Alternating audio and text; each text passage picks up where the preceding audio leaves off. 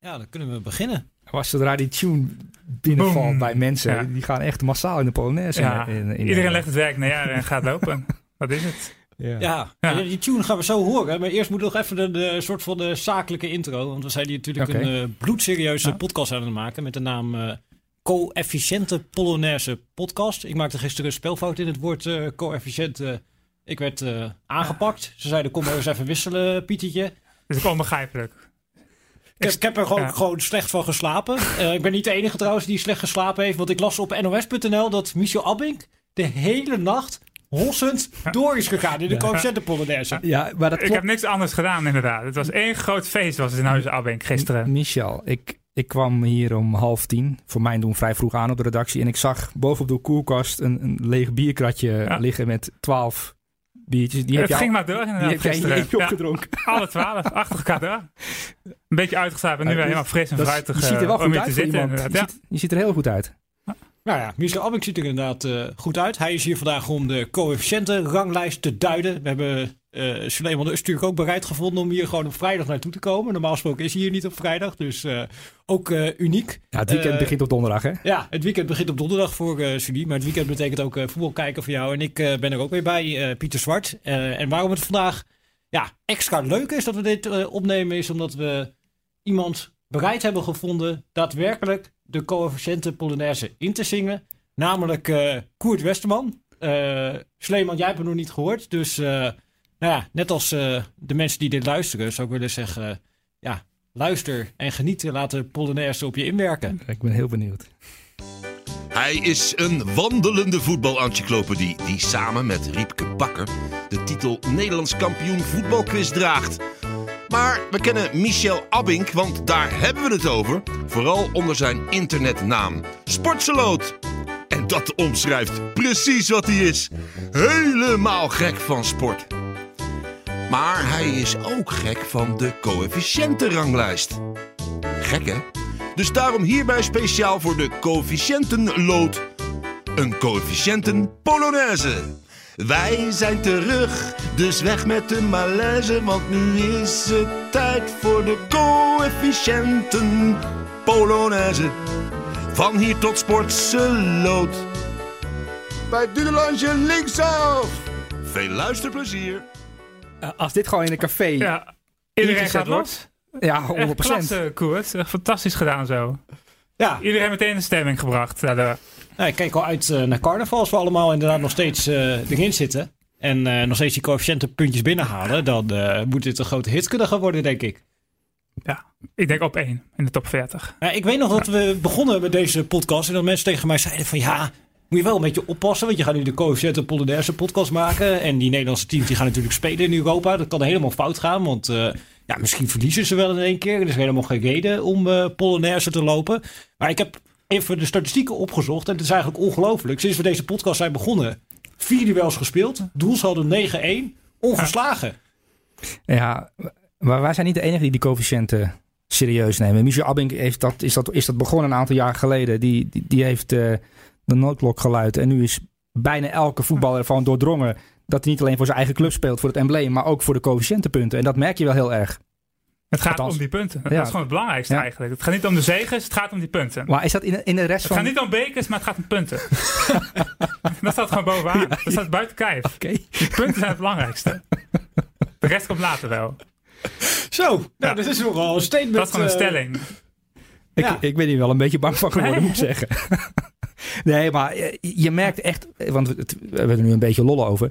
Maar je ziet wel over de hele linie een soort realisme in het voetbal. Hè? Eh, Bij Ajax, bij PSV, zelfs bij Feyenoord. Indrukwekkende zegen, daar komen we misschien later op. En bij AZ. Want dat vond ik wel mooi. Maar gaan we, mag ik nu al iets zeggen? Of, Nou, of, of eh, moeten we ik- eerst, eh, gaan we eerst nog een Laten beetje... we eerst even orde erin eh aanbrengen. ja. Met, eh, met eh, natuurlijk eh, Marco Timmer, die eh, bij de wedstrijd van Ajax was eh, in Valencia. En met eh Daily Blind, eh, die we daar ook spraken.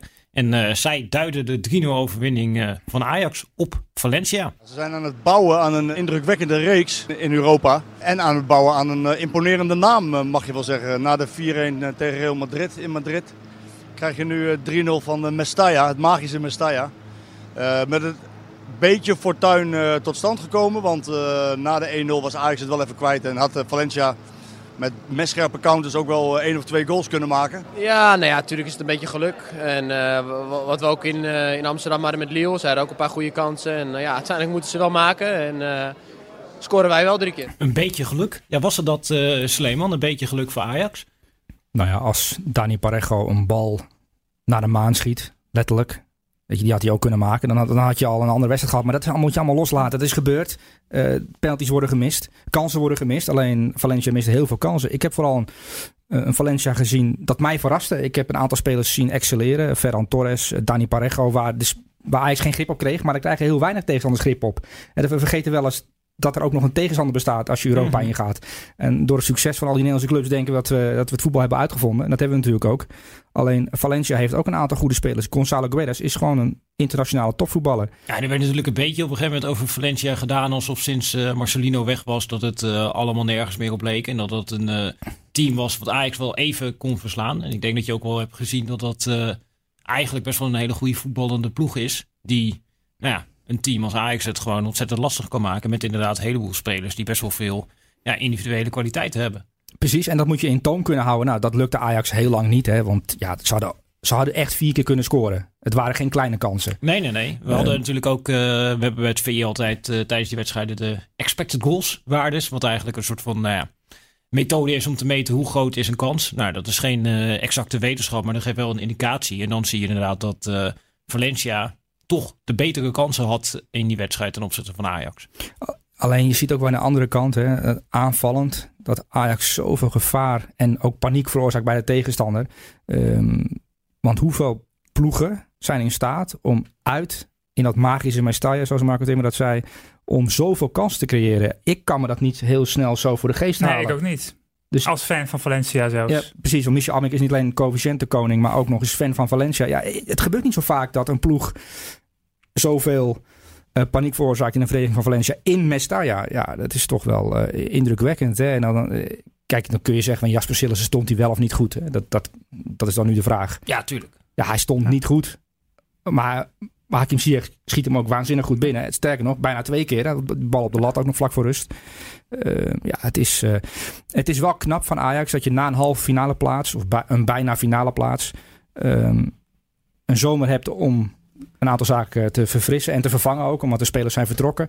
En dan toch nu al in uh, oktober dit niveau haalt en gewoon zes punten uit twee wedstrijden.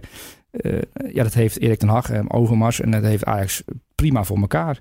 En dan kun je kritiek hebben op de middenvelders die niet leveren wat wij dan willen zien. Hè, want Alvarez en Martinez, dat, zijn, dat, is, dat is geen Frenkie de Jong. Nee, de Frenkie de Jong was uniek. Die, die krijg je niet terug. Je moet hier op een andere manier naar kijken. Ik vind, nog, ik vind nogal wat. Hoe wij er eigenlijk een beetje overheen stappen. Hoe knap het is dat je gewoon zes punten uit twee duels hebt. Tegen wie je ook speelt in de Champions League. Dat maakt niet zoveel uit. Nee, ja. En wat ik zelf ook wel interessant vond. Ik zag toevallig uh, in een reactie op uh, het artikel wat wij meteen afloop maakten op uh, VE Pro. Die analyse. De eerste reactie erop was van iemand die zei van...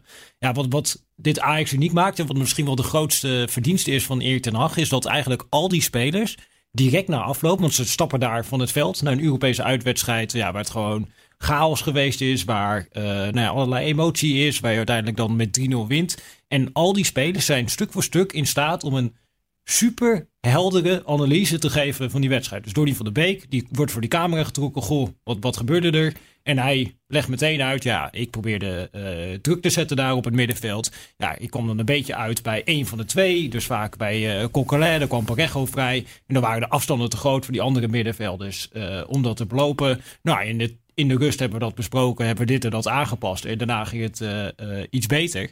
En ook, nou ja, Hakim Ziyech die kwam met een uitgebreide soortgelijke analyse. Die zei van, nou ja, Ajax is een ploeg die heel goed kan voetballen, die goed positiespel heeft. Maar wij zijn ook een hele goede counterploeg. En we hebben vandaag gewonnen eigenlijk omdat we een hele goede counterploeg zijn. Ja, en dat, dat soort analyses van spelers direct naar afloop. dat is ook al nou ja, verfrissend en nieuw in ieder geval. Ik, ik heb het me een tijdje niet gezien op tv dat, dat spelers zo goed in staat waren om te duiden wat er nou eigenlijk daar op het veld gebeurd is. Dat betekent ook dat ze door de weeks over een lange periode uh, want ze herkennen ook in het veld wat er gebeurt en wat er moet veranderen. En dat het in de rust veranderd wordt, betekent dat er een, op de achtergrond iemand zeer goed werk levert. Is Erik ten Hag, uh, die die spelers daar ook bewust van maakt. En ik denk ook dat hoe een ploeg praat, en ik heb het over in de media, hoe spelers spreken, dat is eigenlijk een echo van de trainer. Dat zie je ook bij City en Pep Guardiola. Als Kevin de Bruyne of David Silva over voetbal praten, dan hoor je eigenlijk de trainer praten. En dat zie je bij dit Ajax ook een beetje terug. Dit is een tactisch zeer intelligent elftal. Uh, dat, die jongens pikken dat op van de trainer.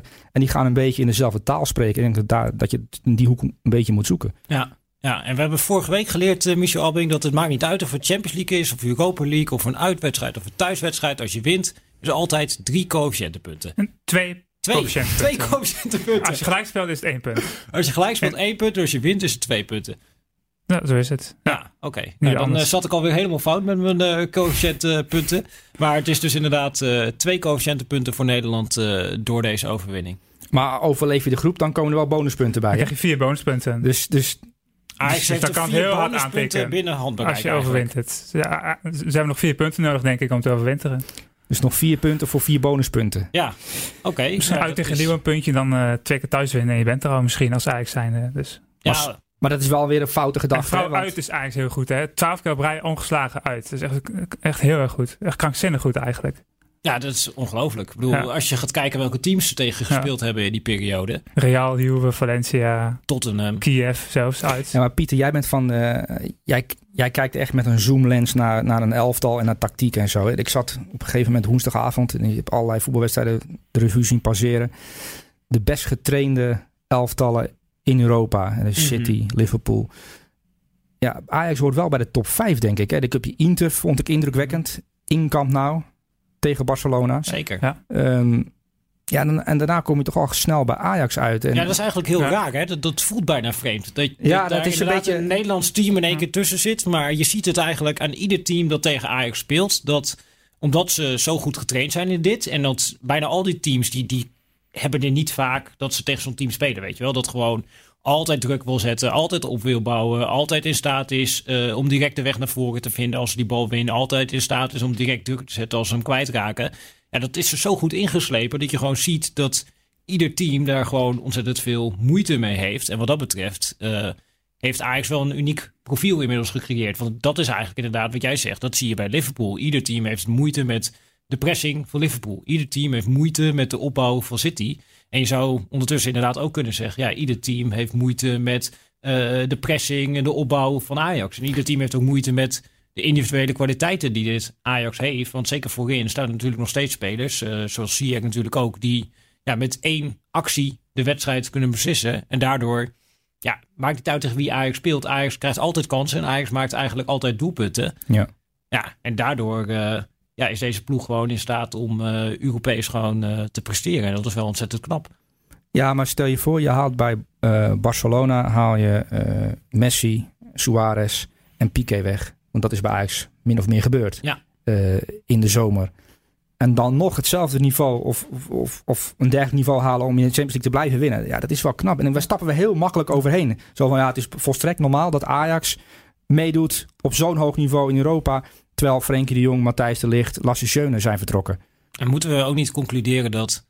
Het is natuurlijk een positie die vaak een beetje onderbelicht is. Maar dat Ajax misschien wel een van de beste keepers ter wereld heeft. Ja, oh, ja. ja Onana. Die, die haalt... Fabuleuze redding. Ja, ja, ja, Dat twee keer toe. Echt. Ik denk dat, dat Onana in één wedstrijd 15 tot 20 miljoen euro meer waard is geworden. En dat ook meer waard blijft. op basis van nou, deze wedstrijd. Hij kan overal naartoe. Als er al twijfels waren ja. bij sommige technische directeuren. Dan weten die na Valencia uit. Onana, prima keeper. Die kun je gewoon neerzetten. Ja. Die, die, kan geweldig voetballen hè, voor, voor een keeper. Zeker, twee en, uh, zeker. Ja. En die houdt ook nog onhoudbare ballen tegen. Nou, wat wil je nog meer? Ja, en hij durft ook nog eens ver voor zijn lijn uh, te keepen. Ik Precies. weet niet of er heel veel keepers zijn die hm. echt daadwerkelijk beter zijn uh, dan hij. Misschien Alisson Becker van Liverpool, die doet het natuurlijk heel erg goed. Jan Blak ja. op een andere manier. Ederson is ook al over twijfel eigenlijk of die daadwerkelijk beter is dan Onana.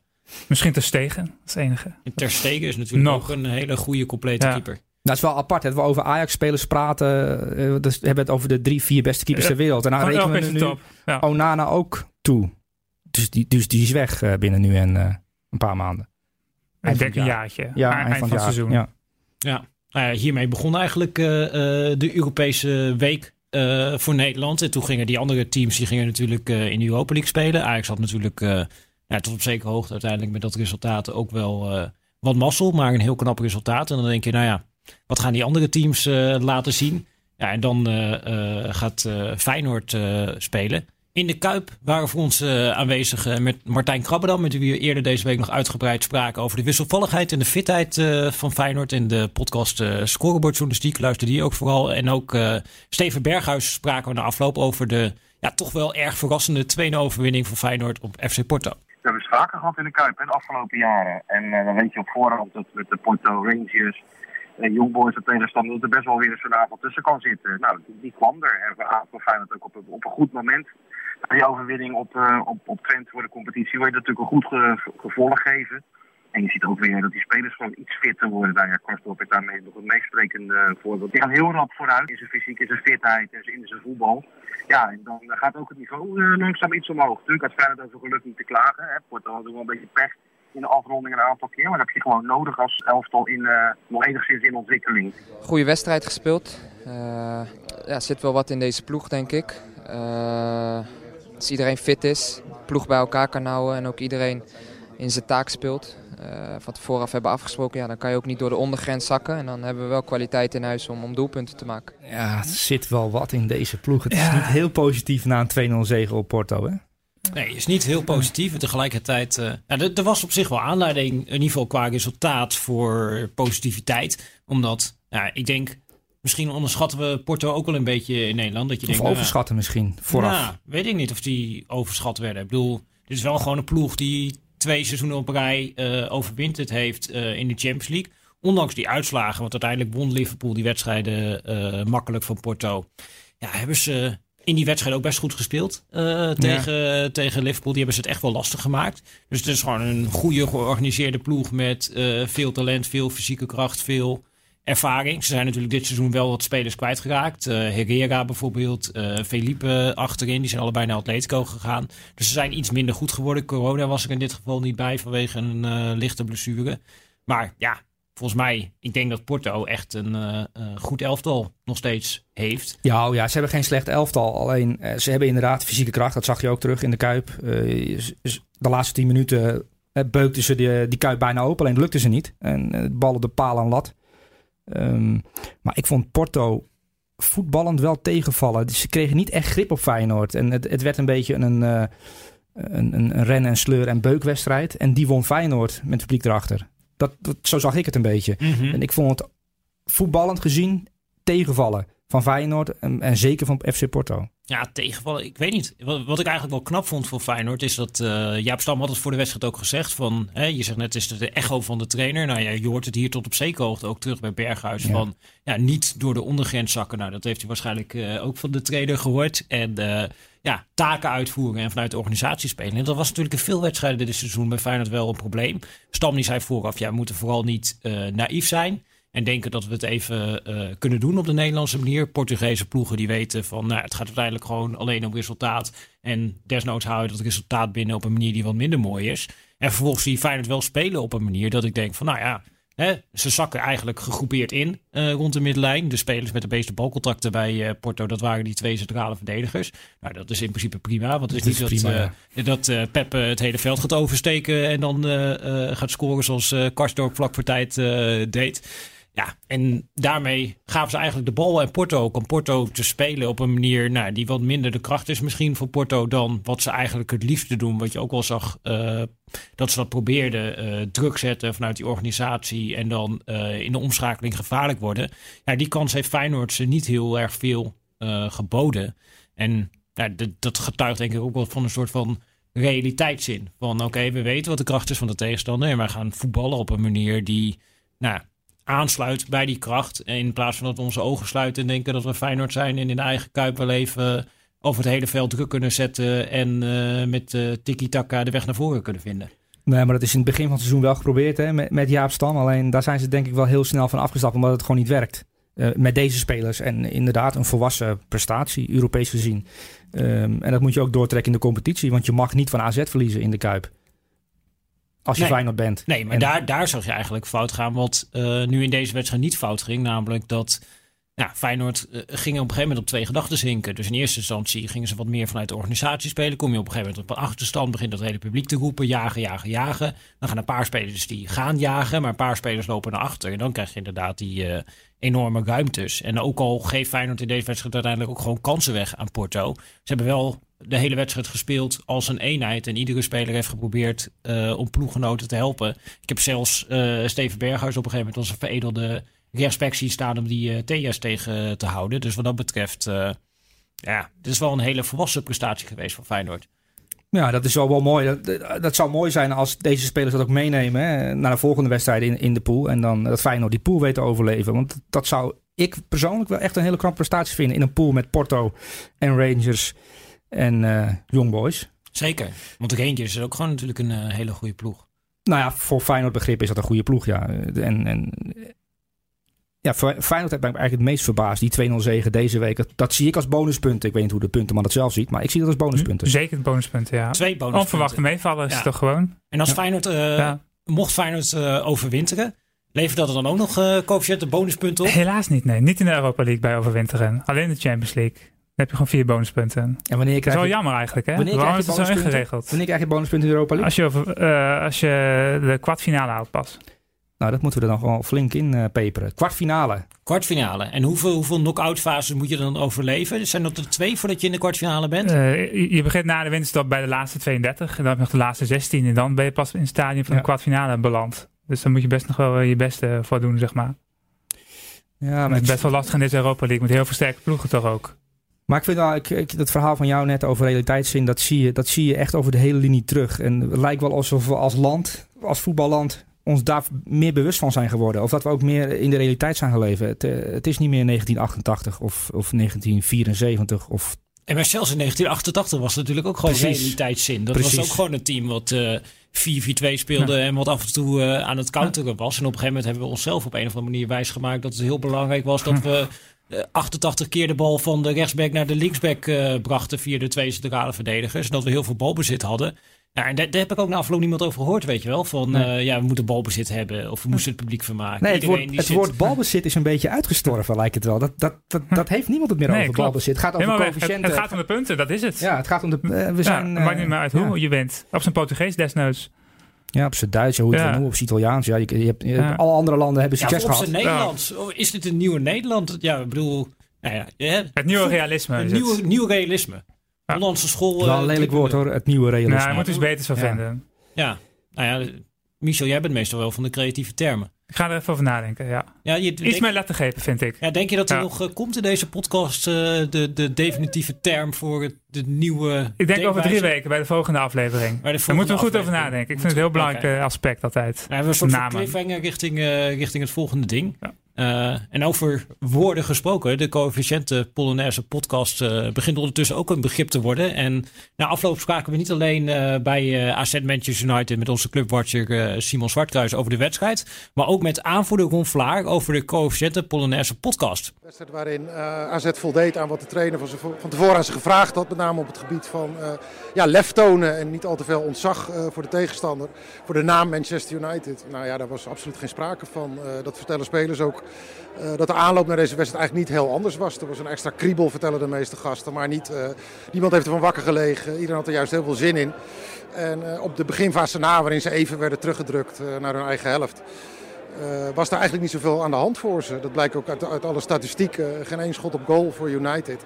Nou ja, dat, die, statistiek heb ik inderdaad gehoord. En eh, dat is op zich weer ook een heel mooi compliment. Maar daar hebben we ook keihard voor geknopt. We wisten dat we 90 minuten, lang goed moesten zijn aan de bal. Maar ook met name als we de bal verloren en als we de bal niet hadden. Want ze hebben gewoon heel veel individuele kwaliteit. En eh, ja, dan eh, kan elke halve kans kan een goal zijn. Omdat ze gewoon zo goed zijn. En ik denk dat, dat we dat heel goed hebben gedaan. We hebben bij Voetbal International een podcast, die heet de Coëfficiënte Polonaise podcast. Mooi woord, toch? Ja, dat is een goede voor Scrabble ook. Dus eh daar kan je wat puntjes scoren, denk ik. Ga je die meelopen dadelijk? Eh, nou ja, ik, eh, probeer, we proberen als ploeg wel wat puntjes aan bij te dragen. Dan kunnen jullie daarmee eh mee Polonaise lopen. Ja, dit is wel een beetje een goede ruimte daarvoor. Zullen we zo even? Ja, gaan we. Perfect. Net een beetje grappenderwijs over dat de puntjes verzameld moeten worden. Maar hij is gewoon een speler van AZ die in het grotere belang denkt. Dat is toch mooi Ja, om te het is horen. heel belangrijk dat hij daar Dat, denkt, inderdaad. Heel we- goed. We moeten puntjes Echt verzamelen. goed, denk is dit. Ja, natuurlijk. Puntjes verzamelen voor de coëfficiëntenranglijst en puntjes verzamelen voor Scrabble. Dat eh, wordt, gaat allemaal hand in hand. Prioriteit kennen is dat. Ja, maar wat ik eigenlijk nog misschien wel het meest bijzondere vond na deze wedstrijd. eh, ik heb eh, alleen een ruime samenvatting gezien, omdat ik heb eh Feyenoord zitten kijken. Maar na die wedstrijd hoor ik eigenlijk bij allemaal mensen van AZ een soort van teleurstelling. Dat ze 0-0 hebben gespeeld tegen Manchester United. En dat begrijp ik wel als je gaat kijken naar die wedstrijd en het aantal kansen dat AZ heeft gecreëerd. Hoe, hoe weinig AZ heeft weggegeven. Ja, er was eigenlijk maar één ploeg die het verdiende om te winnen. En dat was AZ. Dus ik begrijp die teleurstelling wel. En het is heel gek om te denken dat een ploeg met een begroting van Ja. 600 miljoen euro, wel Manchester meer United, 800 of zo gaat het die kant op. Precies, maar ze geven Ja. het verkeerd uit. eh, aan- en ze hebben de verkeerde trainer. Ehm, dus ja, het is de omgedraaide, omgekeerde wereld. Hè. Dit, dit moet helemaal niet kunnen dat AZ 0-0 speelt Ja, tegen. Manchester United. Ja, maar, maar voor de wedstrijd was het eigenlijk al, begon er in Nederland een Ja. soort van sentiment te ontstaan. Ik weet niet, ook niet of dat helemaal terecht was, dat dat sentiment uit het ontstaan was, maar dat eh AZ een soort van favoriet was tegen Manchester United. Terwijl, ja, Nou, ik hoorde, eh, Ron Vlaar zei wel iets interessants na afloop van de wedstrijd. En we hadden het net over spelers die een beetje hun trainer napraten. Ron Vlaar zei precies hetzelfde als Arne Slot na de wedstrijd. Uh, Arne Slot had het namelijk vooraf al bedacht. Mijn ploeg krijgt tegen Manchester United, tegen dit Manchester United, de ruimte om te voetballen. Eh, want hij had die ploeg geanalyseerd en hij wist, oké, we zijn eigenlijk voetballend beter dan Manchester United. Heel gekke uitspraak, maar het wel gelijk. Ja. Maar hij had vooral bedacht, zonder bal moeten we laten zien of we intensiteit hebben. En dat zag je bij dit AZ ook. Dat zonder bal, dat die ploeg ook heel volwassen speelde. En dat vond ik wel mooi om te zien. Want AZ, dat staat voor frivoliteit. Voor die drie jongens voorin. Eh eh, Boadou, die jonge jongens. Maar als ploeg stonden ze heel goed. En dat is een beetje trainerstaal. Maar ja, Arne Slot is per slot van rekening een trainer. En dat vond ik ook wel weer goed om te zien. Wat je ook bij Ten Hag ziet en bij Van Bommel. Dat zie je ook bij Arne Slot. En die ontwikkelt zich als trainer ook wel eh, een bepaalde kant op waarvan je denkt... Oké, eh, waar gaat dit naartoe? Eh, die ploeg staat, die talenten die, die ontplooien zich. Ik vond Teun Koopmeiners bijvoorbeeld erg goed spelen tegen Manchester United. Heel volwassen. Dus er zullen wel een aantal Engelse clubs ook eh, die wedstrijd gezien hebben. Want die kijken dan naar Manchester United. En die denken, goh, de betere spelers lopen gewoon bij AZ rond. Dat is natuurlijk heel gek. Ja, het is ontzettend gek. En tegelijkertijd, ja, die, die ploeg als geheel, ja, wat je zegt, die, die, die speelt natuurlijk ook wel redelijk realistisch. Ook in de zin dat ze al nou ja, tijdens het aanvallen eigenlijk rekening houden met eh, het verdedigen. Wat natuurlijk niet alleen zit in nou ja, dat je een soort van angst moet hebben van de balverlies. Want eigenlijk heeft het daar niet zoveel mee te maken. Maar meer dat je je organisatie eigenlijk al goed hebt staan eh, voordat je de bal eh, verliest. En ja, er, wordt- ook wel eens gevraagd van, joh, waar, zit er nou in één keer in dat die Nederlandse ploegen eh, meer presteren? Nou, dat heeft natuurlijk alles te maken met eh, talent. Er komen een paar spelers door eh, die goed zijn. Met een ander type investeringen natuurlijk ook. Al die ploegen die hebben ook wel spelers gehaald die van een bepaalde leeftijd zijn. En daardoor gewoon een bepaald niveau eh, kunnen halen. Dat zie je natuurlijk bij eh, AZ ook. Die hebben gewoon in de as, hè, met Ron Vlaar centraal achterin hebben ze zo iemand staan. Stijn Buitens is natuurlijk eh, wat meer geroutineerd. Uh, Mitchell, daar geldt het natuurlijk voor. Ja, en zeker centraal achterin, hè, dat zie je bij Ajax ook. Er staan ook wat meer geroutineerde spelers. En hetzelfde geldt eigenlijk ook voor PSV met jongens als Nick Viergever. Maar wat in mijn ogen ook gewoon echt bijdraagt, is dat... Dat zie je bij eh, AZ, dat zie je bij Ajax, dat zie je bij Feyenoord, dat zie je bij PSV. Is dat ze ja, niet meer ook zoals de klassieke Hollandse school lekker met z'n allen over de vleugel gaan. Dus je ziet in de opbouw, zie je bij AZ ook gewoon eh Wijndal en eh, die Japaner die in dit geval op rechts speelde. Die zie je ja, naar het midden komen. Eigenlijk als een soort van extra middenvelders. Ja, en dat deed eh, AZ, maar ik eh, zie datzelfde zie ik terug bij eh, Feyenoord. Zie ik af en toe in één keer Rick Karsdorp. Dat gebeurde bijvoorbeeld voor die eerste goal. Dat hij in één keer daar het middenveld versterkt. Waardoor Karsdorp op die vleugel wat extra ruimte krijgt. Maar ook dat Karsdorp Berghuis op die vleugel ruimte krijgt. Uh, en ja, dat, dat zijn toch wel elementen uh, die... Nou ja, een paar jaar geleden zag je City dit doen. Uh, en dat was ongeveer het enige team in Europa wat dit deed. En nu zie je de hele Eredivisie zie je dit soort uh, tactische dingetjes uh, toepassen. En dat is toch wel ja, geinig om te zien. En ik denk dat dat gewoon helpt met uh, de counters van een ploeg als United ook opvangen. Ja. Ja, maar Van Mommel is wel geïnteresseerd ook. Hè, hoe Simeone het bijvoorbeeld doet. En dat zijn wel trainers die, die denken, hé, hey, dat, dat kun- kunnen wij ook wel gebruiken. En dat pikken ze dan. En dat zal, voor Arne Slot precies hetzelfde gelden. En Ten is ook zo iemand. Dus we hebben ook wel een aantal trainers nu op plekken zitten die die, die ploegen ook echt ontwikkelen. En die ook zichzelf proberen te ontwikkelen. En ook om zich heen kijken en niet eh, op de golfbaan staan. Want er zijn ook trainers geweest die, die liever op de golfbaan stonden dan dat ze, eh, dat ze eh, zich ontwikkelden.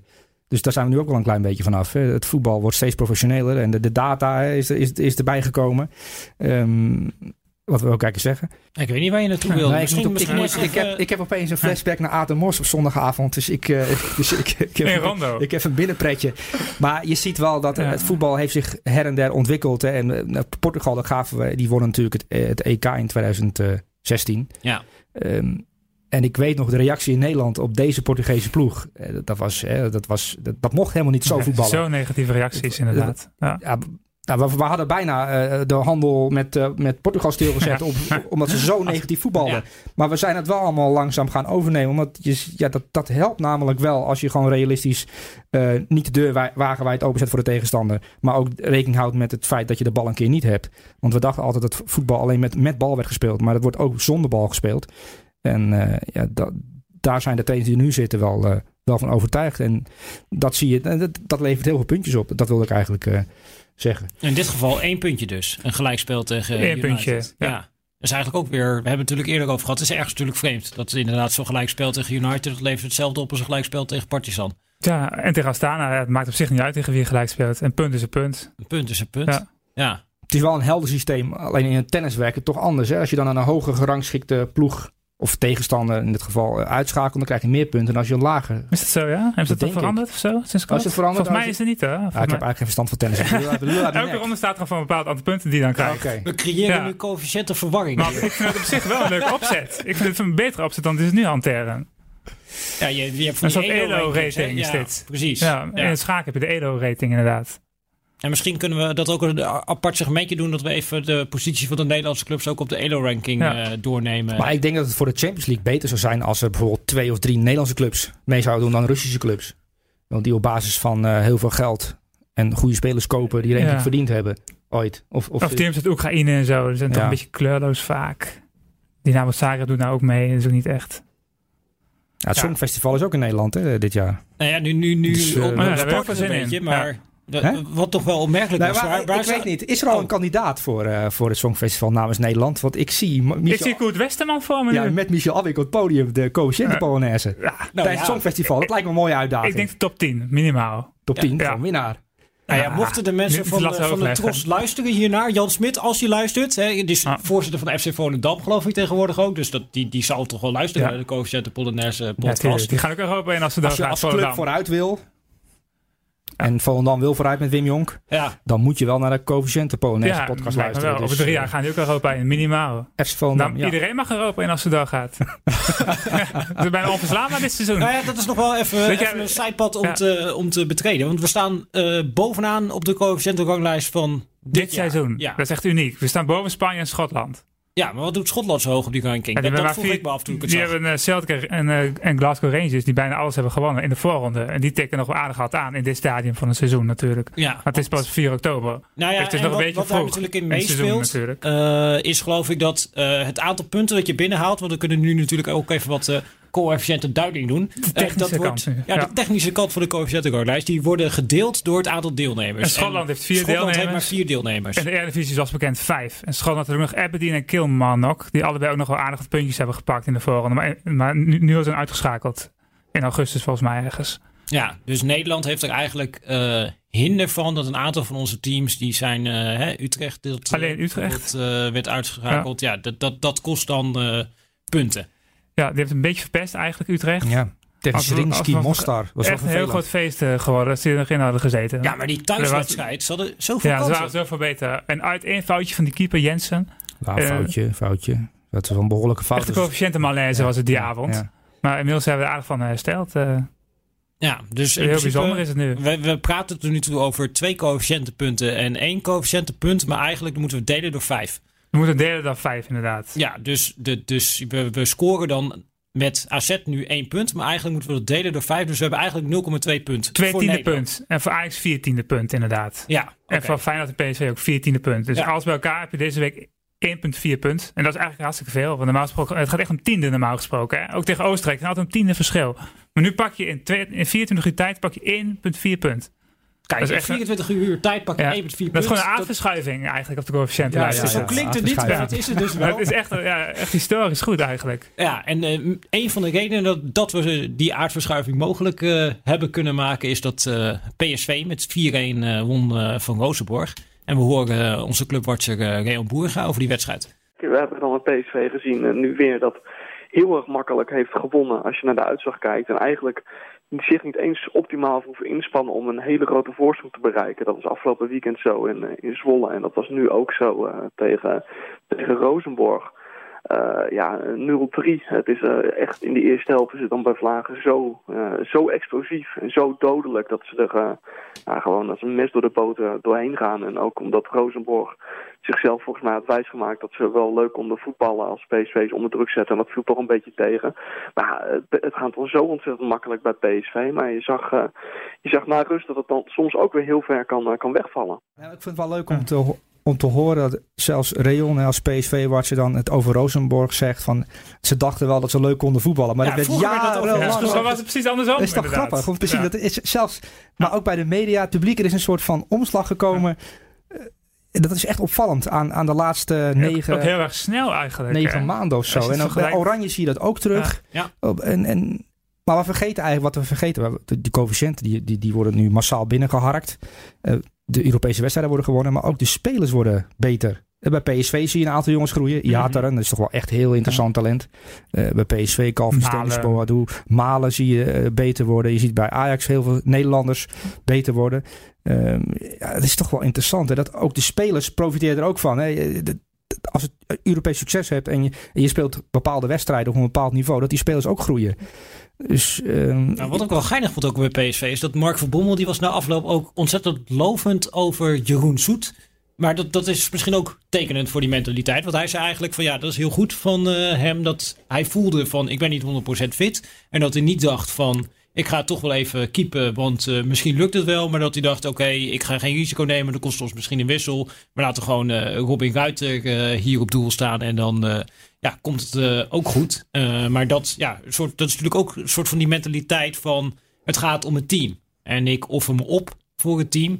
En het gaat om het teambelang. En dat, dat zit er bij PSV natuurlijk tot in extremis in. Ja. Ja, dat zie je inderdaad bij PSV wel heel erg terug. Ook in de commentaren van, van Mommel na een wedstrijd of voor een wedstrijd. Eh, maar ook in die ploeg. Eh want Reon zei wel terecht. eh, ja, PSV is ook heel erg goed in de omschakeling. En, en toch vind ik ze... Ze kunnen eigenlijk nog veel beter in de omschakeling. Want ze verprutsen best wel veel kansen. Of ze spelen kansen niet goed uit. Met, met de snelheid en de diepte die ze hebben. Dus daar kan, daarin kan PSV denk ik nog wel, wel echt enorm gaan groeien. Die kans voor Malen, een kwartier voor tijd. Ja, dat vond ik echt... Dat was, dat was ongelooflijk. Maar vooral wat, Bergwijn daar in die aanval deed.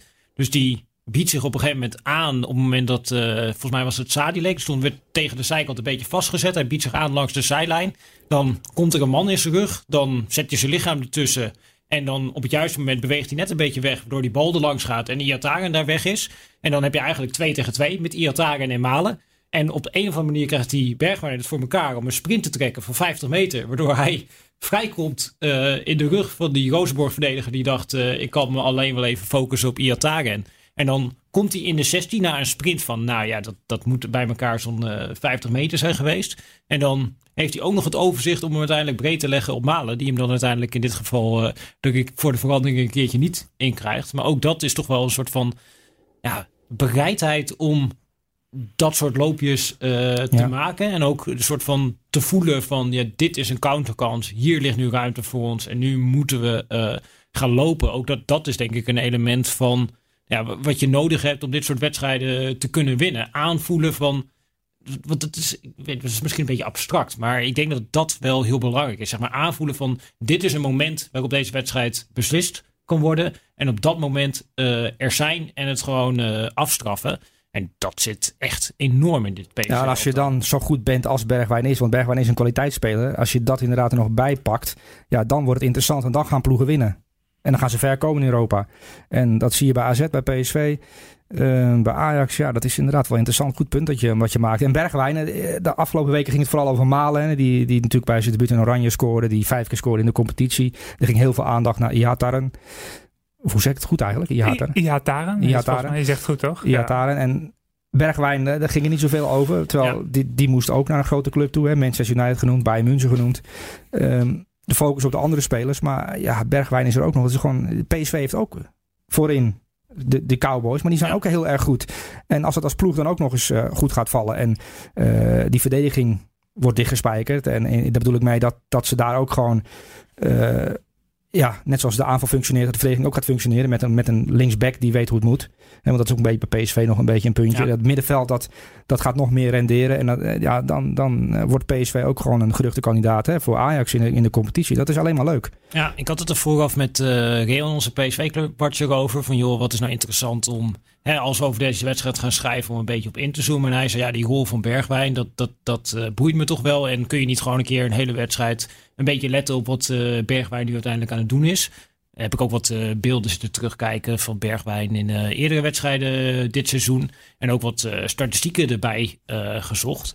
En nou, ook in het artikel wat er uiteindelijk uitkwam. Het, het verbaasde mezelf eigenlijk nog van hoe ja. goed Bergwijn eigenlijk was. Want bijvoorbeeld, hij werd een beetje neergezet toen hij op een gegeven moment op nummer 10 uh, kwam te spelen bij PSV. Als ja, dat is een dribbelaartje, er komt van de zijkant, moet dan nu in één keer op 10 komen te spelen. Heeft hij helemaal niet het overzicht voor. Maar als je gaat kijken naar hoe hij daadwerkelijk uh, speelt en hoe hij ja, zijn passes eigenlijk speelt in het laatste gedeelte van het veld, dan is hij daar met afstand uh, de meest zuivere nou ja, aanvallers slash aanvallende middenvelder van de Eredivisie. Dus uh, nou ja, Hakim Ziyech, die natuurlijk heel veel risico in zijn spel legt. Ja, dat komt niet eens uh, in de buurt. Maar ook gewoon andere spelers waarvan dat dan misschien wordt gezegd uh, als zijnde een kwaliteit. Dus pak een beetje Donny van der Beek of David Neres of Quincy Promes of Steven Berghuis bij Feyenoord.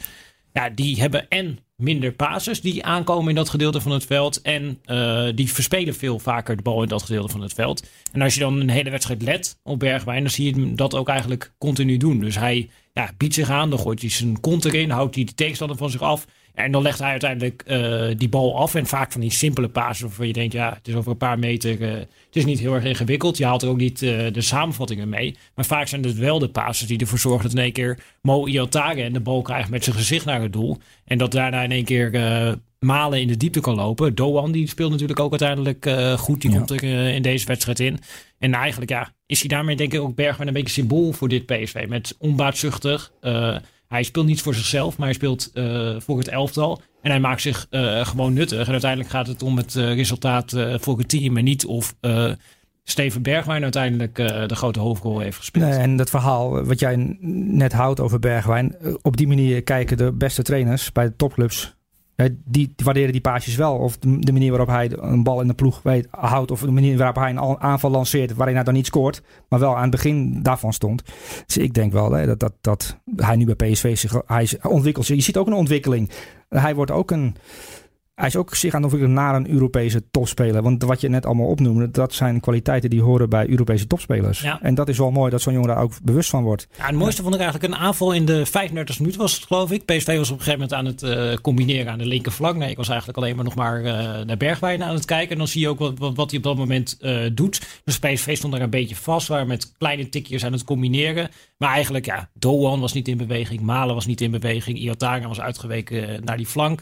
Nou ja, Hendricks en Rosario die houden natuurlijk vooral de positie. Dus PSV had niet heel veel opties. En op dat moment zie je ja, wat Bergwijn doet voor het elftal. Dus hij gaat diep en probeert zich op die manier aan te bieden. Nou, die tegenstander gaat mee. Die bal die kan niet gegeven worden in de diepte. Oké, dan zou je kunnen denken, nou, één keer geprobeerd, laat maar zitten. Maar meteen nadat hij diep is gegaan, sprint hij weer terug om zich in de bal aan te bieden. Weer die tegenstander mee, weer geen optie. En nou ja, terwijl hij terugbeweegt in de bal, sprint hij meteen weer weg.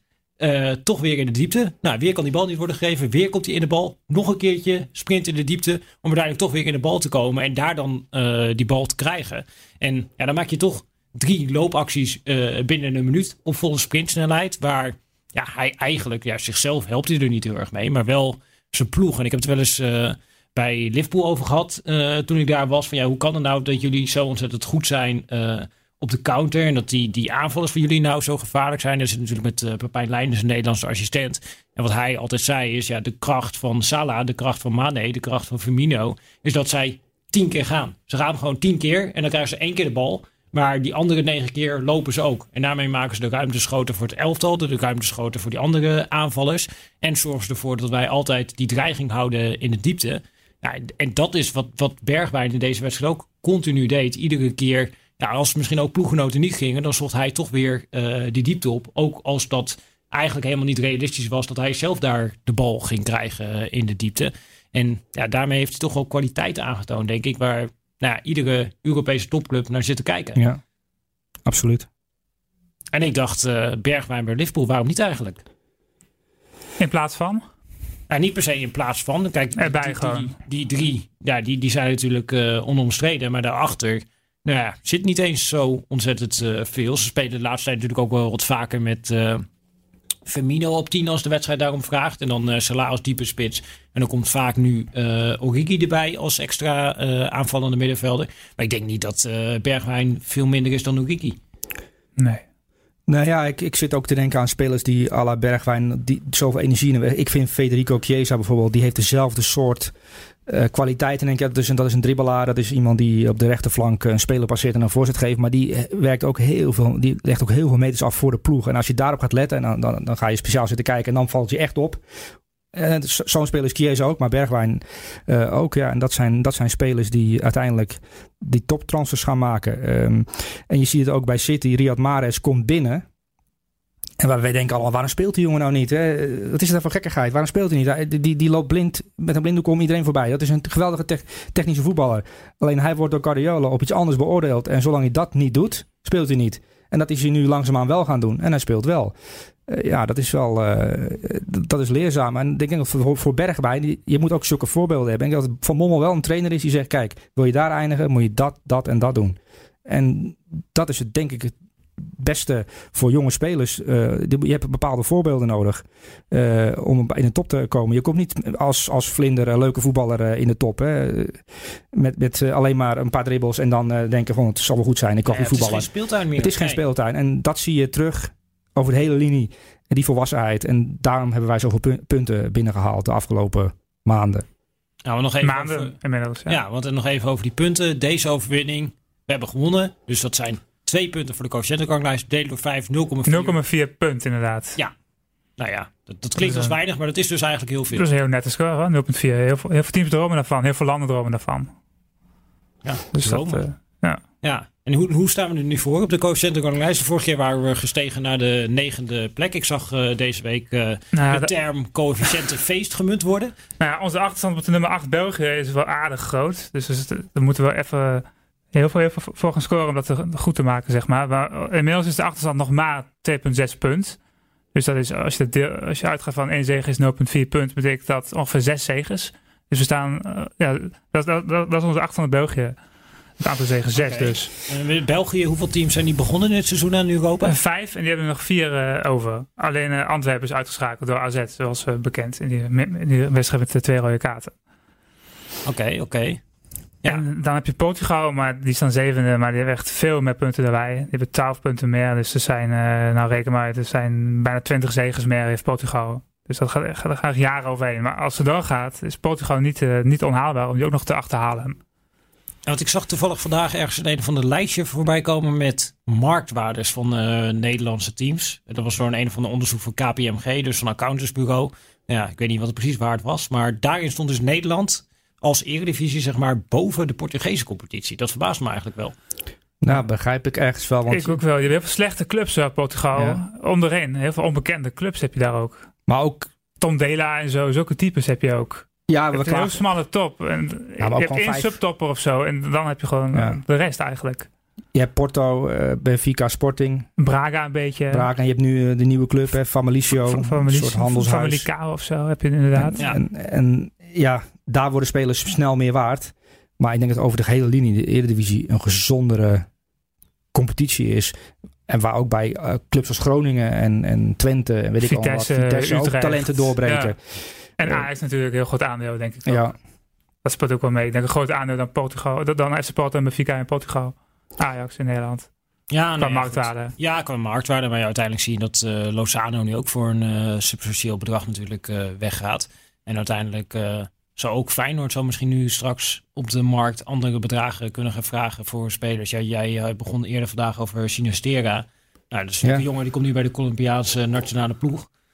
Ja, dan, dan stijgt die marktwaarde natuurlijk. eh, nou, hij staat meteen. ook op de Golden Boy lijst hè, van 40. En dan kun De laatste zeggen, 40. de ja. laatste 40 met de grootste talenten. Matthijs Ligt staat er ook op. En zo staan er nog heel veel spelers. Jaden Sancho staat erop. En, Maar ik vind het fascinerend hoe snel die jongen zich ontwikkelt als spits. Want de eerste keren dat ik hem zag in de spits, dacht ik, nou ja, ik kan wel zien dat dit eh, geen spits is. Maar de laatste wedstrijden zie ik hem steeds precies op het juiste moment nou ja, uitzakken, kaatsen. Dan heeft hij de oplossing eigenlijk eh, al gezien. Hij is natuurlijk snel, hij kan dribbelen. Ja, Feyenoord lijkt in één keer toch weer een eh, spits te hebben gevonden met hem. ja, het is wel een ander soort type spits dan je bij, bij Feyenoord zou verwachten. Hè. Het is wel anders dan Jurgensen. Ja, Ehm, maar we hebben natuurlijk eh, eh, gehad over de andere invulling van Nederlandse teams. Maar misschien Ja. dit, dit is natuurlijk ook wel een elementje. Als je bij Ajax ziet, Dusan Tadic staat in de spits. Is dat de spits? eh, nee, dat Niet is, van origine in elk geval, nee. het is geen klassieke Nee. nummer 9. Nee. Nee. Nou ja, Donjo Malen is dat natuurlijk eigenlijk ook niet helemaal. Nee. Die, die beweegt natuurlijk ook eh, continu weg. Nou ja, Boadou is dan misschien nog het meest Ja, spits Maar van ze- alle spitsen. En dan Feyenoord heeft inderdaad Sinistera, wat misschien ook niet echt een eh, klassieke nummer 9 is. Ja, het wordt, eh, ik denk dat binnenkort weer allerlei trainers en directeuren naar Nederland afreizen om te kijken hoe we dat toch doen hè? in dit land. Hoe, hoe we zo. Ja, want ik zit nu zelf een beetje na te denken, maar we hebben het natuurlijk over die spitsen gehad. Dat is natuurlijk ook wat je in de Europese top terugziet. Hè? Dus eh, de Ja. klassieke spits, ja, je hebt nog Lewandowski bij eh Bayern München. Dan heb je het zo ongeveer wel gehad. Misschien Van, eh, Benzema. Benzema, Maar ook die is natuurlijk... Ze Suarez. zijn allebei iets ouder ook, hè? Allemaal. Suarez is inderdaad natuurlijk nog wel een echt eh, spits. Maar Allemaal Benzema 30 is, is natuurlijk ook wel meer onbuitzuchtig eh, Ja. voor Ronaldo in het verleden. Nu meer voor eh Hazard. Maar voor de rest, ja, je hebt niet heel veel echt van die klassieke nummer 9's meer. Maar ook de buitenspelers. Ik bedoel, we hebben een periode gehad hier in Nederland dat, dat het schande was als jij niet met de rechtspoot op rechts, linkspoot op links voorzetten. Zijn er rechtspoot op rechts, linkspoot op links? Nee, het sterft uit. Nou ja, Ajax speelde Ja. natuurlijk met eh Promes vanaf links in deze wedstrijd. En dan eh, vanaf rechts met Hakim Ziyech. Nou, dat is een middenvelder vanaf rechts en een rechtspoot vanaf links. Ja, maar het voetbal is veranderd, geëvolueerd. En heel veel teams, ook teams die minder zijn, zijn veel intelligenter. Dus als jij eh, een linkspoot op links hebt, ja, je, leuk, ga je, dan passeer je iemand. En dan? Ja, voorzet. En, dan, dan? gebeurt er niks, vaak. Ja, ik weet niet, eh, voorzet. Hoeveel voorzet heb je nodig om doelpunt te maken? Ja, heel veel. Ja, 82? Nou, Ja, bijna ja, goed. dat is, eh, Nou, dan kun je voorzetten blijven geven, maar Ja. dan ga je weinig scoren, weet Ja. je wel. Dus, Ja. En, ja, je ziet alleen af en toe eh, bij, bij slechte trainers eh, dat, je, dat je denkt, goh, wat, waar, waar zijn die mee bezig? Eh, Zo, ja, Manchester United vraag je je wel eens af, Ja, wat, wat zijn die aan Dat is het echt doen? bizar, inderdaad. Die, ik bedoel, ik vind het wel verbazingwekkend dat eh, er wordt nu als verzachtende omstandigheid eh, gebruikt bij mensen. Ja, ze hebben de tijd nodig om een nieuw elftal te Dat bouwen. zeggen ze al drie jaar. Maar Antonio. Antonio Conte Ja. heeft zeker geen tijd nodig om een elftal te Die heeft er bouwen. drie weken de tijd gehad. Drie weken de tijd. niet en- normaal. En, die spelen Barcelona Ja. bijna van de mat in kamp nou. Weet je, moet ook als club een goede keuze maken. Het, de trainer is zo belangrijk eh, in de ontwikkeling van een elftal en in de ontwikkeling van een club. In Nederland werd gezegd, ja, trainers zijn onbelangrijk. Het Mhm. zijn de spelers die het doen. Nou, vanzelf gaan die voetballers echt niet voetballen. Nee, Want- maar misschien is ook een technisch directeur wel heel erg Ja, ook de belangrijk, aankoop van die- United. Ja, technisch directeur. Ja, die een trainer Ja, aanstelt Ook ook zo'n onder Fred andere. gisteren. Die, die, ko- die kostte 40 miljoen, toch? Ja, maar bijna alles spelen fout. wel bij Shakhtar Donetsk. Maar Fred is een geweldige voetballer. Gewoon Als je hem goed gebruikt. Maar, die, ah, ah, ja, maar niet in dit elftal en niet Nee, bij deze club kennelijk. Nee. En dat geldt voor heel veel. Nee, maar waar ik nog wel even naartoe wilde, want eh, nou ja, hè, we, we zijn nog aan het afdwalen. Ja. Eh, technisch directeur, daar hebben we natuurlijk nog weinig over gehad. Maar ja, United heeft er geen. Eh, en er is er dan ook niemand die een soort van de lange termijn visie bewaakt. En als je dat dan gaat vergelijken met eh, de Nederlandse clubs. Nou ja, Feyenoord heeft natuurlijk eh, geen technisch directeur. Ja. Dus dat, dat is een beetje de uitzondering op de regel. Maar die andere clubs, de- daar is ook op dat vlak wel een vorm van stabiliteit. Met in ieder geval iemand die daar een visie op heeft en dat probeert te bewaken. Met vaak ook een algemeen directeur die iets begrijpt van voetbal in tegenstelling Ja. tot Woodward. Ja, dat zie je bij PSV en, en AZ heel duidelijk, inderdaad. Maar je, dat kan ook wel fout gaan hè, met technisch directeuren. S- Zie je Anderlecht, daar, daar hadden ze tot gisteren een technisch directeur. En wat er bij die club aan de hand is, ja, je, bedoel, die hebben een trainer gekozen die speler is en technisch directeur. En voorzitter en En eigenaar. voorzitter Hij is en alles. eigenaar. En, en hij doet ook ja, nog... voor de coëfficiënt ook Ja. lijst was fijn geweest als die gewoon in Europa gespeeld had. Dat had wel, ja, Ja, dat helaas. had heel mooi geweest. Ehm, punten. maar ja, je hebt gelijk. eh, het- stabiel beleid van bovenaf, van onderaf, hoe je het wil noemen, is, is, is belangrijk. En, eh, en ja, je ziet wat er bij AZ en PSV is bereikt. Ik vind het wel echt wel opmerkelijk hoor. Bij, PSV nu ook zoveel jonge spelers weten door te breken. En misschien ook wel belangrijk jong, eh, jong AZ en jong PSV en zo, waar die spelers allemaal ook minuten hebben mogen maken. Heel belangrijk. We sluiten deze podcast natuurlijk altijd af met het eh, soort van coëfficiënte weerbericht. De coëfficiënte voorspelling. Eh, hoe, hoe ziet het eruit, eh, Michel? Het is 48 graden Celsius buiten. Ja, hittegolf. Het is Ja, echt het is echt ongelooflijk bizar. hittegolf. We gaan, kap- we gaan kapot van de hitte inderdaad. Is er airconditioning in de zaal? Want eh, we, ja. Ja, het is echt we een gaan zo. Ja. Maar ook, ook voor de komende duels, hè, want de- daar heb Nou je ja. gewoon veel vertrouwen in. Het programma is op zich makkelijker dan eh, gisteren. Stel je nou voor, Met hè, Young Boys, Astana, Chelsea thuis. Michel. We, we En Las Klins trouwens. Ajax, PSV, AZ en Feyenoord verliezen alle wedstrijden. Ja, hebben we dan ook... Vanaf, van, van- ja, dan vanaf nu? Nog, van- vanaf nu. Dan hebben we nog een redelijk goed seizoen. Dat, eh, Eigenlijk, nu, nu Dat hebben we het dat beter gedaan. Nu hebben we het al drie keer zo goed gedaan als twee jaar geleden. Dat is toch lekker. Nu al, wat ook gebeurt. Dus je kan nu alles verliezen en dan nog En een nog we seizoen draaien. zo goed. Ja, daarna heb je het beter gedaan dan in 2015, 16 en in 2017, 18. Als we vanaf nu alles gaan verliezen. En, En- waar gaan we eindigen op de ranglijst? Denk, schat jij in als we vanaf nu gewoon alles gaan verliezen? Hè? Ik wil niet clubs op slechte ideeën brengen, maar eh, Eh, dan gaan we wel zakken naar de twaalfde plek, denk Oh, ik, op de dat- vijf jaar ranglijst. En we moeten die top 10 moeten we wel in het vizier houden. En dan mag de kampioen direct de Champions League in. En dan heb je later instroommomenten in de Europa League. Dat is ook belangrijk. Dat je niet Dus begint in de eerste week van de Tour de France al Oké. met voetbal, zeg maar. Want dan wil je iets anders doen dan voetbal kijken. nou ja, precies. Dat je niet door Bosniërs eh, in die periode eruit wordt gegooid. Maar, Precies, dan moet je proberen te voorkomen. Ja, dat is, maar een- dus daarvoor moeten we die top 10. Dat is eigenlijk. De dat top is 10? misschien is dat nu het focuspunt. dat is het. Eldorado van de coëfficiëntenlijst, top 10. De top 10. Dan, Ja. zit je, dan zit je helemaal veilig. En hoe- hoeveel punten schat jij in dat wij nog nodig hebben om die top 10 plek in ieder geval te behouden? Want we Nou, zitten nu een beetje stuiver ja, te, ja. te wisselen om de negende plek. Maar we zijn ook achtergekomen. Die negende plek kan je vergeten. Die tiende plek, dat is belangrijk. die zijn onze de concurrenten. tiende plek is heel belangrijk. Oekraïne is onze concurrent. Die hebben natuurlijk Kiev en, eh en Shakhtar nog in de race. Eh, allebei nog eh, hebben we aardige punten gepakt. Dus die zijn nog niet helemaal uitgeschakeld. En dan heb je Turkije, die is een elfde. En onze voorsprong op Turkije is bijna twee punten. Dus er zijn vijf zegens als je dat eh, bekijkt. Want elke zege is 0,4 punt. Dus dat is best wel een aardig gaatje ook al voor we Turkije geslagen. dus. Die doen ook met vijf Ja, teams die ook met vijf teams. Hoeveel mee. Teams hebben die nog eh, actief? Turkije heeft nog eh, vier teams Vier. actief. Ook nog vier teams actief. Ja, Maar ik kan dus nu- Turkije is toch wel een redelijke concurrent. hoor. Nee, nee, nee, Met nee. Galatasaray eh, niet waarschijnlijk, want die hebben een heel zware, Zware Champions. League. eh Istanbul Basaksehir heeft ook een redelijk zware Europa League pool zo uit mijn hoofd. Met AS. Roma en Gladbach. Besiktas is crisis. Het Trabzonspor uh, heeft gisteren tegen Basel nog een puntje gepakt. Nou, die hebben nog die hebben twee punten weggegeven in de blessuretijd. Ja, klopt ja. ja. Ja, maar goed, dus, eh, je zegt ze hebben een puntje gepakt, maar dat betekent dus hè, delen door 5 is 0,2 coëfficiëntenpunten. Waar praten wij Ja, het is een kruimel. Zeker in vergelijking met onze eigen situatie. Zet ik, denk- zie, ik zie sowieso AZ nog wel een wedstrijd winnen. Ja. En zeker twee. Eh, Feyenoord ook nog een wedstrijd winnen. Dat is drie zegers. Ik zie PSV zeker nog twee keer winnen. Dan heb je vijf zegers. En ik zie Ajax ook nog twee wedstrijden Ja. winnen. Dan kom je op zeven, En, en heel veel bonuspunten als Ajax overwint. zeven, acht zegers zie ik nu al zitten. Kun je die eens meenemen in Minimaal. je berekening? Acht Als je het zegers. allemaal berekent, dan eh, is België eh, is, is, is een doel aan het worden voor ons. Want nu hebben we maar twee punten achter met België. Dus België kunnen we echt gaan bedreigen. En dat is, dat is toch heel erg mooi dat het lukt. Op zo'n korte termijn. Zou het niet waardevol zijn als we hier een soort van coëfficiëntenmodel hebben, waar wij inderdaad onze soort van prognose kunnen... Een soort matrix wil je, wil je hebben. Nou ja, precies. Toch? En dat we ook kunnen Ja. zeggen van, stel nou dat Ajax wint van Chelsea, dat jij meteen kan zeggen wat het nou precies gaat betekenen als ook de andere uitslagen invullen. Als die mee zit inderdaad. Ja. En Ajax en Een, een PSV. scenario schetser of zo Ja, moeten we precies. maken. Finale PSV Europa League. Ajax finale Champions League. Wat, Dan gaan we dit jaar vijfde of vierde worden. Echt Dan waar? gaan we met heel veel clubs direct de Champions League in. eh. Is toch wel. Vitesse gewoon direct de Champions League in. Dat zou het zijn, hè? Want gaat dat zo hard met die coëfficiënten? Nee, dat gaat niet zo hard. Het is een beetje een hyperbool. Ja.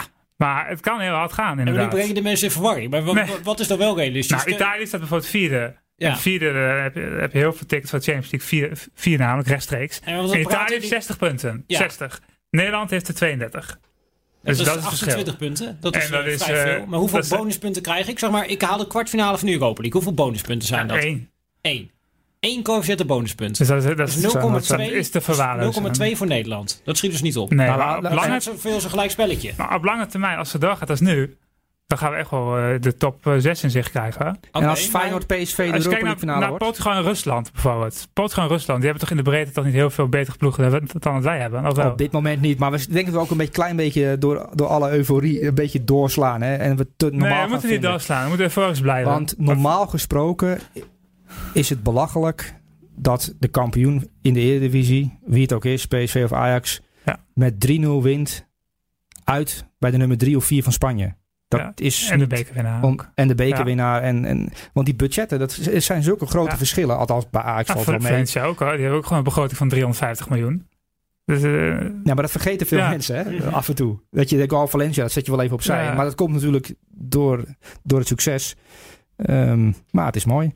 Al die, eh, al die clubs die zich ontwikkelen, die zich ontwikkelen en de, en de punten. En het is wel, want we, we waren wel heel diep weggezonken. hè. Daar komt het ook een beetje door.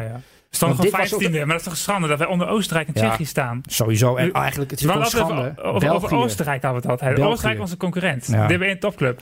Het is, is de afgelopen Dat is jaren iets Nou, ik heb misgegaan. Red Bull Salzburg, eh, ik heb wat Ja. beelden gezien tegen Liverpool. Dat is toch een goede ploeg. Dat was die ene topclub die ik Ja, benoem. maar dat Red is Bull wel- Salzburg. Daar zit Maar- wel een beleid en, een, en, en veel geld in. Dus dat is wel een uitzondering. Maar Las Lins, ja, dat heeft En helemaal AC niet... Wolfsbergen. Wolfsbergen, Rapid AC. Wien. Ja, dat, dat zijn geen clubs waarmee je Ajax Nee. en PSV en Feyenoord kunt vergelijken. Normaal gesproken de Kuip is een begrip bij heel veel voetballers in heel Europa. En, en het stadion van Wolfsbergen, AC, daar wil niemand voetballen. Hoe heet het eigenlijk stadion van? Geen eh, idee. Ik ook niet.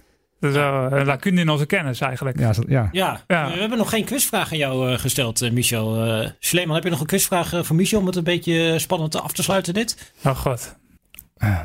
Ja, Nou, misschien een leuke quizvraag waar, waar ik wel benieuwd naar ben. Wat, wat is de laatste keer dat een eh, Nederlands team eh, won van een Portugese team in Europa? Poeh. Ja, Ajax Benfica vorig jaar.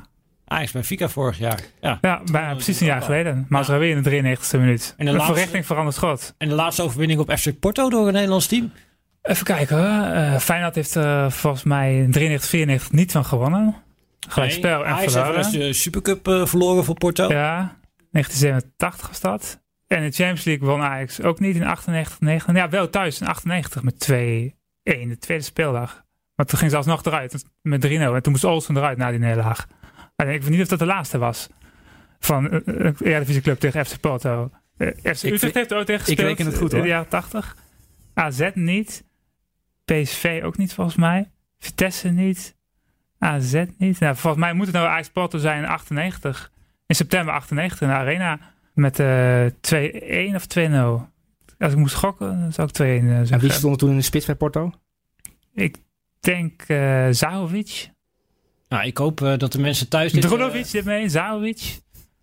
Ik denk uh, Jardel ook. In die, die, die periode. Mario Jardel. Ja, ongelooflijk. Nou, we, we gaan nu even heel ver terug eh, in het verleden. Maar lijkt me wel een mooie manier eh, om deze co-efficiënte Polonaise podcast eh, te besluiten. Met eh, ja, de wetenschap eh, dat Feyenoord eh, in de voetsporen is getreden van Ajax door eh, FC Porto te verslaan. Ik hoop het klopt. Ja, en op naar de volgende show. Ik hoop het ook. En, en misschien wel op locatie. Tenminste, we, we, hadden het, we zaten een beetje te filosoferen Ja. van zou het niet leuk zijn dat, dat we deze podcast kunnen openen met vanuit Astana, Kazachstan. Heet ik u welkom bij de Coëfficiënte Polonaise podcast. Ja, het zou toch wel mooi zijn. Dat, dat we- dat, dat moeten we gewoon gaan regelen. Toch? Astana is om de hoek. De BSO. Nou ja, op naar Astana. Ja. Ja, ik zou het wel cool vinden, Astana. ja. Heb je, ben je wel, heb je wel eens gezien, eh, beelden van Astana? Ik heb er dus beelden Ik vond gezien. het best wel goed, hè? Astana gisteren tegen Partizan. Nee, ik wil niet Ik Astana. was een van de vier ik kijkers. De stad, man. Oh, de stad. Oh ja, het gaat om voetbal. Ja, ja. uit cultuur, ja. Cultuur is toch overschat. Het gaat om punten. Ja, nee, maar AZ wint van Astana. Dat is de volgende. Laten we gewoon spelen even... eerst thuis. Kunnen we AZ. geen coëfficiënte prognose? AZ speelt. Tegen Astana. Dat, Dat, zijn, eh, dat zijn dus 0,4 punten. 0,4 punten. Ja. Ajax speelt Chelsea thuis. Ja. Oh, vijf of zeven oude ki- Vijf beste luisteraars. Eh, goed uh, Vijf rekening mee te houden. Ik heb Chelsea gezien. Ik denk dat Ajax die wedstrijd kan winnen. Ja, want ze geven, ze geven veel kansen Maar spel is ook gewoon prima, toch? 0,4 nee, 0,4 punten. Dus 0,8 Ja, erbij. gelijk spel is prima. PSV speelt tegen Young Boys. Tegen Linz. Li- Nee, we hebben net gezegd, dat Oh, stelt ja. niks voor Oostenrijk. Dus dat, Nee, dat, het zijn twee maar punten. dat wint PSV. Dat zijn dus 1,2 Weer 0,4 punten. punten. 1,2 in totaal. En Feyenoord speelt tegen Young Boys. Tegen Young Boys. Dat Die spelen wel uit. Feyenoord. Uit. Dat is een uit gelijk is spel. vaak. Ja, Dus dan 0,2. komen we op 1,4 die spitsen zijn wel goed, hè? punten. 1,4 punten kun je bijschrijven. Oh ja, net als deze Ja, week. en dat is dan de lat eh, die, waar we de volgende keer gaan afmeten. Dan gaan we de volgende keer openen met Verwachting. Verwachting. 1,4 punt. punt. Dat zou echt briljant zijn als het nog een keer lukt. 1,4 punten. Dat is echt gewoon uniek. Nou, dat is vrij zijn. Realistisch. Ik zou Nu nu is het wel zeggen, als dat realistisch. lukt, dan gaan wij naar Astana. En dan gaan we vanuit daar eh, de coëfficiënte Polonaise podcast eh, presenteren. En lopen. En lopen. Of straat op eind. Dat is wat dichterbij natuurlijk. Ja, dat kan ook, inderdaad. Astana, ja. Maar, En dan mag Koert ik- Westerman Mag ook ik dan de locatie uitkiezen in Astana of niet? Ja, ik ben er niet is- bekend mee, dus ik ben nog nooit geweest. Nou, laten we eerst met die 1,4 punten binnenhalen. En dan zien we de volgende keer Vanuit een striptease bar in Astana. dat zou goed zijn. Extravagante locatie. Ja, Ja, nee, maar Nou, een beetje, een beetje show moet je hebben, toch? Dat is belangrijk. Tot de volgende keer.